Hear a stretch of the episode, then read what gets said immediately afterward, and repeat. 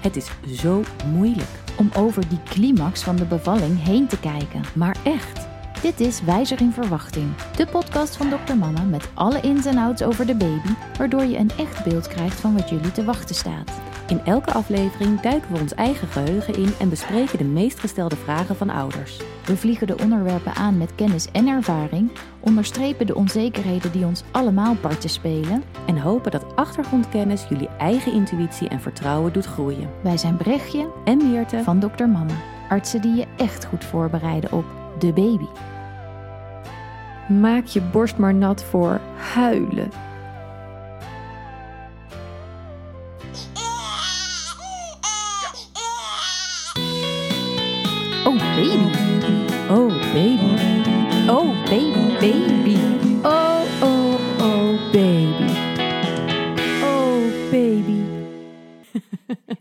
Voel hem al, het zweet. Huilen is echt om te huilen. Ja. ja, ik moet zeggen dat ik het minst graag afdaal naar dit gevoel over hoe was dat dan met dat huilen. Echt. Het roept meteen best wel veel eh, spanning en emoties op. Maar heel erg. Maar, en, dat is het ook nog steeds stiekem als ze Oh. nu moeten huilen. Je, je uit. Het is gewoon een open wond forever. En daar kun je je niet op voorbereiden, omdat het huilen van een ander kind niet doet met Nee. jou wat het huilen van jouw kind met je doet. Dat is echt niet uit te leggen. Nee, nee, terwijl iedereen zich wel voorbereidt op... Nou ja, die baby zal wel veel huilen. Ik bedoel, het is onlosmakelijk van baby's eh, verbonden. Of hoe zeg je dat? Ja, echt. dat ze huilen. Ja, nee, het is zo super logisch. En je denkt ook huilen, ja, ja, tuurlijk, nee, huilen.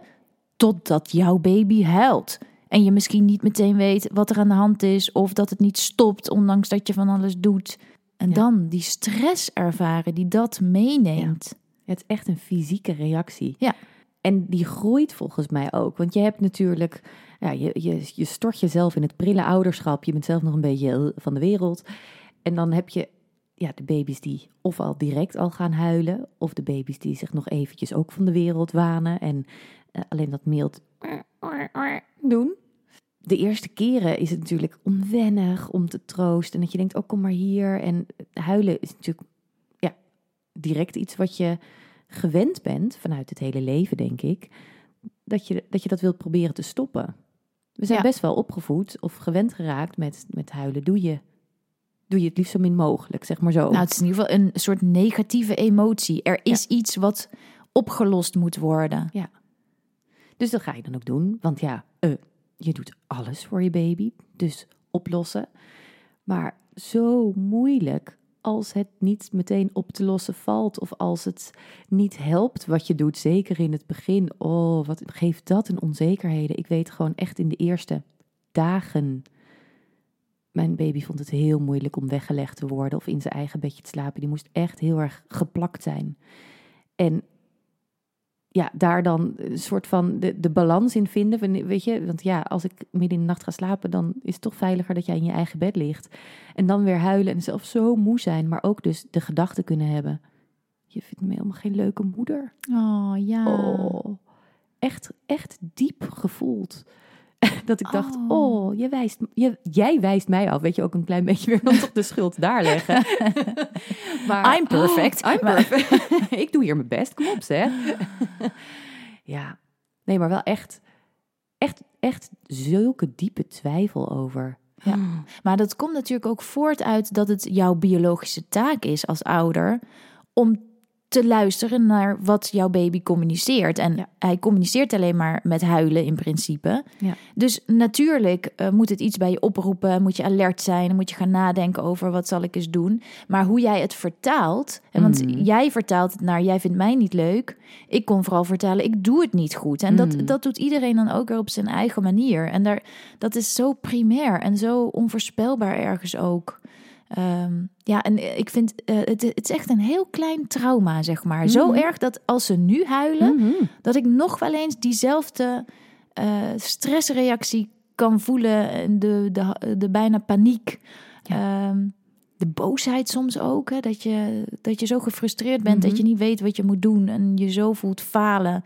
En het ook gewoon irritant vindt, laten we eerlijk zijn. Als een kind Mm. echt goed hard huilt. Is zo Mhm. in your face. Je kan gewoon niet Ja. meer nadenken. In your system. Echt. Ja, enorm. En, maar heb je dan, want ik bemerk, ah, je hebt natuurlijk verschillende vormen van huilen, dus daar kan je eh, verschil in bemerken.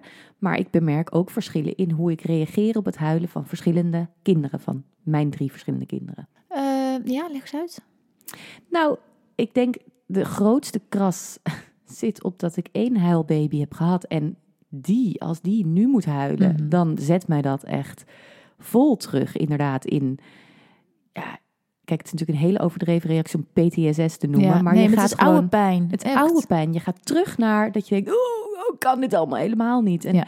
oh, ik zit echt meteen tegen het plafond. En er is er ook eentje die dat überhaupt op een zeer dramatische manier kan. maar daarmee kan ik juist ook af en toe al helemaal over het hobbeltje heen zijn en denken, zo, als jij nog gewoon acteur wordt, dan, eh, dan zijn we rond volgens mij. Ja, mooi.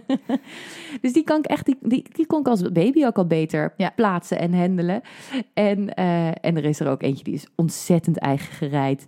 Ehm, maar, maar die doet het ook weer op een andere manier. Dit zit mi- op minder pijn. Die Ja. laat me gewoon alle hoeken van de kamer zien. Ja. Zo. Oh, grappig hè? Ja, want behalve dat verschillende kinderen op verschillende manieren en toonhoogtes en luidheid Mhm. huilen, ehm, eh, roept, roepen verschillende kinderen dus ook verschillende reacties bij de ouders op. En dat, ja, dat, dat, dat gaat echt over dat, over dat samenspel, over die hechting tussen beiden.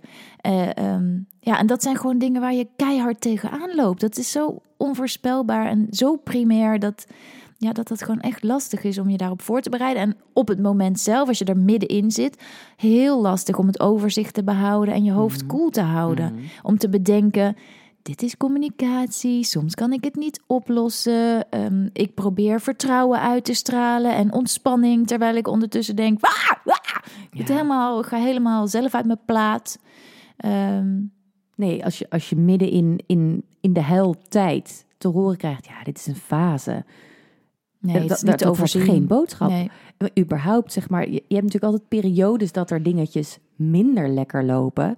Maar dat voelt in dat eerste jaar meteen als forever. Ja. Weet je, ik voel het onder me da- vandaan gaan. Ik denk, oh, dit komt dus nooit meer terug. goed, die blijft maar huilen, die Ja. blijft dit maar doen. Ja. En, en zeker ook, ja, je, je maakt natuurlijk een enorme piek mee in het begin van het babyleven. Met en hoe moe je bent zelf. Maar ook dat de baby toenemend gaat huilen. Om dan te horen, ah, bij drie maanden is het allemaal minder. Dat je denkt, maar ik weet, ik weet oprecht niet hoe ik die komende drie dagen ga overleven. Haal dan. ik dat wel? Ik haal het niet. Ja. ja, en ik vind het ook zo mooi dat eh Aafbrand Korsjes heeft dat ooit gezegd van dat fantoomhuilen. Ja. Dat is zo, zo daar. dat is zo bizar. Lekker onder de douche staan, ingezeept. En dan denken, oh nee, daar gaat hij. Oké, oké, snel, snel, snel eruit hebben. Stil. Ja, ik kan het nu nog wel eens voelen als je je telefoon bij je hebt. Dat je de hele tijd denkt, hij gaat af. Oh nee, hij gaat af. Oh nee, oh nee. Oh nee, fantoombazzen. Ja. Eh, Maar dat heeft volgens mij dus ook te maken met het opgebouwde cortisollevel Nou, wat je bij je draagt. Ja, dat wilde ik ook zeggen. Dat, dat ik me dus ook heel goed kan voorstellen dat er ouders zijn die luisteren en denken. Waar hebben ze het over? Nou ja, goed, ik denk dat iedereen de stress wel kan herkennen. Maar het is dus ook heel erg. Als er een soort situatie ontstaat waarin je echt geraakt wordt, waarin het echte stress is, een echt gevoel van handelingsonbekwaamheid of zo, dat dat, dat eh, eh, trauma groter maakt, ook weer Mhm. bij een volgend kind. Mhm. Eh, en dat dat dus ook weer meer die primaire reactie oproept. En dat als je een heel voegelijk kind hebt met een vriendelijk, zacht temperament, dat je daar dus oprecht veel minder last van hebt. Mijn eerste was echt heel chill. Mhm. Ik weet dat hij zijn vaccinaties kreeg en dat ik dacht, holy shit, die kan huilen. Dat heb ik nog nooit eerder gehoord. Mind you, toen was hij eh, acht weken. Terwijl eh, de tweede, die kwam ongeveer schreeuwend eh, op aarde en die is er niet meer mee opgehouden. Die vind ik heel lief overigens, hè, voor de record. maar ja, die, die maakt wel andere dingen bij mij los. Ja, het is ook nog eens een keer gewoon hormonaal te verklaren. Want zo gauw als een baby huilt, maak je cortisol aan, wat wenselijk is. Want vanuit de stressreactie ga je handelen. Plus, cortisol zorgt ervoor dat je borstvoeding een seintje krijgt. Dat wordt dan alvast warmer gemaakt. Allemaal superhandig. Zit je weer met je lekkende tieten. Godzijdank houdt dat er op een gegeven moment mee op. Als ze nu huilen, dan gebeurt er gelukkig niks meer. Nou, ik heb ook nog steeds fantoomlekkende titel, hoor. Oh man, de rariteitskabinet Brechtje. Maar serieus, ik bedoel, huilen, het is zweet in je bilnaad. Ja, en eh ja, plaktieten. ja. Nee, ja, misschien als ik wat beter in de selfcare op mezelf zou letten, zou ik er misschien ook achter komen. Ja, ja, ja. Maar anyways, waar waren we? Afgedreven? Eh. Nee, ja, dat is natuurlijk met dat cortisol. Kijk, als ik het me tenminste goed herinner, groot vraagteken, eh, dat is, het is, het is weg. Het stressgevoel is weg zo gauw als je kind stil is. Ja. Maar je cortisol-level is nog niet gedaald. En dat is volgens mij ook dat op je tenen lopen op een gegeven moment en bij de eerste eh, al denken, ah, daar gaan we weer Ja. omdat je de hele tijd nog in die top van dat cortisol zit en een klein beetje naar beneden ging, maar nog niet op nul zat. En dan komt die volgende Maar er weer overheen. de hele dag aan. Je staat de hele dag aan. En inderdaad, het stoppen van het huilen was ook zo'n prioriteit bijna aan het worden. Ik, ik kon echt oprecht met zes spenen in mijn tas en mijn jaszakken de deur uitgaan. En dan nog denken, heb ik de Ja. speen wel bij? Want oh mijn god, als ik dat huilen Ja. toch niet kon Ja. stoppen. Ook omdat je je ook een beetje bekeken voelt. Zelfs oud in die open. Ja. Maar we, zelfs wij onderling. Ja. Dus de- waar die derde baby's nou, samen zijn opgegroeid, dat hadden we romantisch in voor ogen, maar dat is toch eigenlijk maar heel weinig uitgekomen. Maar die paar momenten dat je inderdaad dan en dat één baby aangaat en dat je je dan dus opgelaten voelt Ja. met "Oh, zo snel mogelijk stil en ook niet meer goed in het gesprek kan blijven Nee. ook, of kan nadenken, zo snel mogelijk stil. Maar ook echt wel voor het eigen brein. Ik bedoel, ik kon pas nadenken als de eerste rust was teruggekeerd en dan bedenken, oké, wat zeg je me nu eigenlijk? In plaats van ja, wat je eigenlijk misschien daarvoor al wil hebben, dat je voordat je primair reageert denkt, wat wil je me eigenlijk vertellen? Maar ja, van 0 tot 100 ging ik door het huilen, wat ook van 0 tot Ja. 100 ging. En dan was het gewoon bam bam, snel reageren. Ja, het is eigenlijk wat ze zeggen in een vliegtuig. Je moet eerst zelf je zuurstofmasker opzetten voordat je je kind helpt. Je moet echt eerst zelf proberen een bepaalde mate van ontspanning te vinden voordat je er bovenop duikt. En de grap is dat heel vaak dan het probleem zich ook al deels heeft Ja. opgelost of dat ineens duidelijk wordt wat het is. Als je even dat stoppen, stoppen denken doet voordat je er bovenop gaat. Ja. Scheelt wel. Onmogelijk, wat mij betreft. Maar echt. wel een heel goed uitgangspunt. Nee, is en best wat wel je hard zei- werken. Oh, het is echt zo hard werken. En dat is denk ik het, het moeilijke. Dat zelfs als je hoort, huilen hoort erbij. Soms is het ook echt niet iets wat je kan oplossen. En is het alleen maar een vraag of een roep om nabijheid. En is de nabijheid voldoende, ondanks dat het huilen daarmee niet stopt. Mhm. Omdat het huilen gewoon ook door neurologische rijping een soort van moet gebeuren of zo. Dus je kan niet alles oplossen voor je kind. Zelfs, ik denk dat het wel helpt om die achtergrondinformatie te hebben. Mhm. Maar terwijl jij je baby huilend in je armen hebt, zit jij toch de hele tijd met die vijf ambulances naast je in een Mhm. noodsituatie dat je denkt: dit moet stoppen, dit moet stoppen. Terwijl als je dan inderdaad jezelf mag gunnen door te denken: er kan nu eigenlijk niks gebeuren, ik ben er voor mijn baby, dan is het ook niet erg als je baby huilt. Tenminste, niet voor je baby, voor jezelf dus een stukje Wel. wel. Ik zat ook nog te denken: sorry, er komen allerlei associaties terug. Het lijkt bijna alsof ik denk: oh, bring me back to time, maar liever niet. dat wat anderen vinden. Ik kan me nog zo goed herinneren dat je dan op een gegeven moment hebt bedacht: oké, ik heb even iets nodig van de Albert Heijn. Baby in de wandelwagen, eindelijk het huis uit in de Albert Heijn. En dat je baby dan aangaat. Maar ik heb echt alles direct laten vallen en ben die winkel weer uitgesjeest. Zoveel stress van inderdaad, wat zal iedereen wel niet denken? Als je Mhm. zo pril net ouder bent, dan is dat zo belangrijk hoe je buiten, of op de buitenwereld overkomt. Of dat je het idee hebt, ja, je kan zien dat ik het hier prima op orde heb. Oh, Ja. dat is natuurlijk onzin. Iedereen die ik nu op straat zie lopen met zijn wandelwagen en dat die kinderen gaan huilen en dat je ze snel een draagzak ziet aantrekken. Zo van, oké, oké, oké, kom maar hier, kom maar hier. Dan denk ik, oh, ook wil je heel graag gaan helpen. Maar ik weet ook dat zo gauw als ik in je buurt kom, dat je denkt, ah, nog meer stress, ga weg. Wie is dit? Vindt ze wat van me? Om zo, je ligt zo open. Ja, ik kan, echt, eh, ik kan er zoveel dingen over zeggen. Terwijl als je dus zo iemand ziet, jij hoort dat huilen dus echt anders. Ja. Dus ja, je hoeft je ook niet te proberen te verplaatsen in de ander. Dat iemand denkt, eh zagrijn, ik word er zagrijnig van. Of eh, jeetje, kan dat kind niet te stil zijn? Nee. Nou, trouwens. Oké, terug. mag hier niet besproken worden. Terug naar dat. Serieus, met je kind in het vliegtuig en dan Oh. dat gezucht en die blikken en zo. Oh, maar echt Serieus. verschrikkelijk. Ik heb, ik heb één keer gehad en dat was ook echt terror. Ik dacht, oké, eh, net voor twee jaar geen kosten. Ehm, Oké, dan gaan we s'avonds vliegen rond half tien. Perfect, vallen ze meteen in slaap. Me helemaal misrekend op, op half tien ben je al volledig overprikkeld. Dus eh, dat wordt eerst een driftbui. Die heeft echt een driftbui gehad. Ik, kan, ik weet niet eens hoe lang het voelde, echt als uren. en hij is op een gegeven moment in het gangpad in slaap gevallen. En de steward die zei, joh, nee hoor, dit kunnen we gewoon laten liggen. Maar iemand een paar rijen achter me, die zei... kan iemand niet dat kind op zijn hoofd slaan, alsjeblieft? Oh denkt, nee. Gewoon Oh. twintig lollies naar binnen werken en dan hopen dat hij over de top gaat. Oh. Oh. Oh, wat voel je je dan ellendig. Ik denk dat, ik denk dat dus toch echt de meeste mensen denken... och arme. Ja. Het is vooral voor de ouders echt heel vervelend. ja, je moet echt compassie hebben met jonge ouders en jonge ouders met zichzelf. Note to self, tatoeëer het op je voorhoofd. Compassie. Compassie. Mini Mini Masterclass, Mini Mini Masterclass met Dr. Mama. Baby's huilen. En baby's huilen veel. Huilen is normaal biologisch gedrag. Het is een vorm van communicatie, de enige manier om duidelijk te maken: ik heb iets van jou nodig. Bij de ouder roept het stress op, en dat is precies de bedoeling. Door de onmiddellijke adrenaline die als reactie op het huilgeluid uit je poriën schiet, kom jij in actie.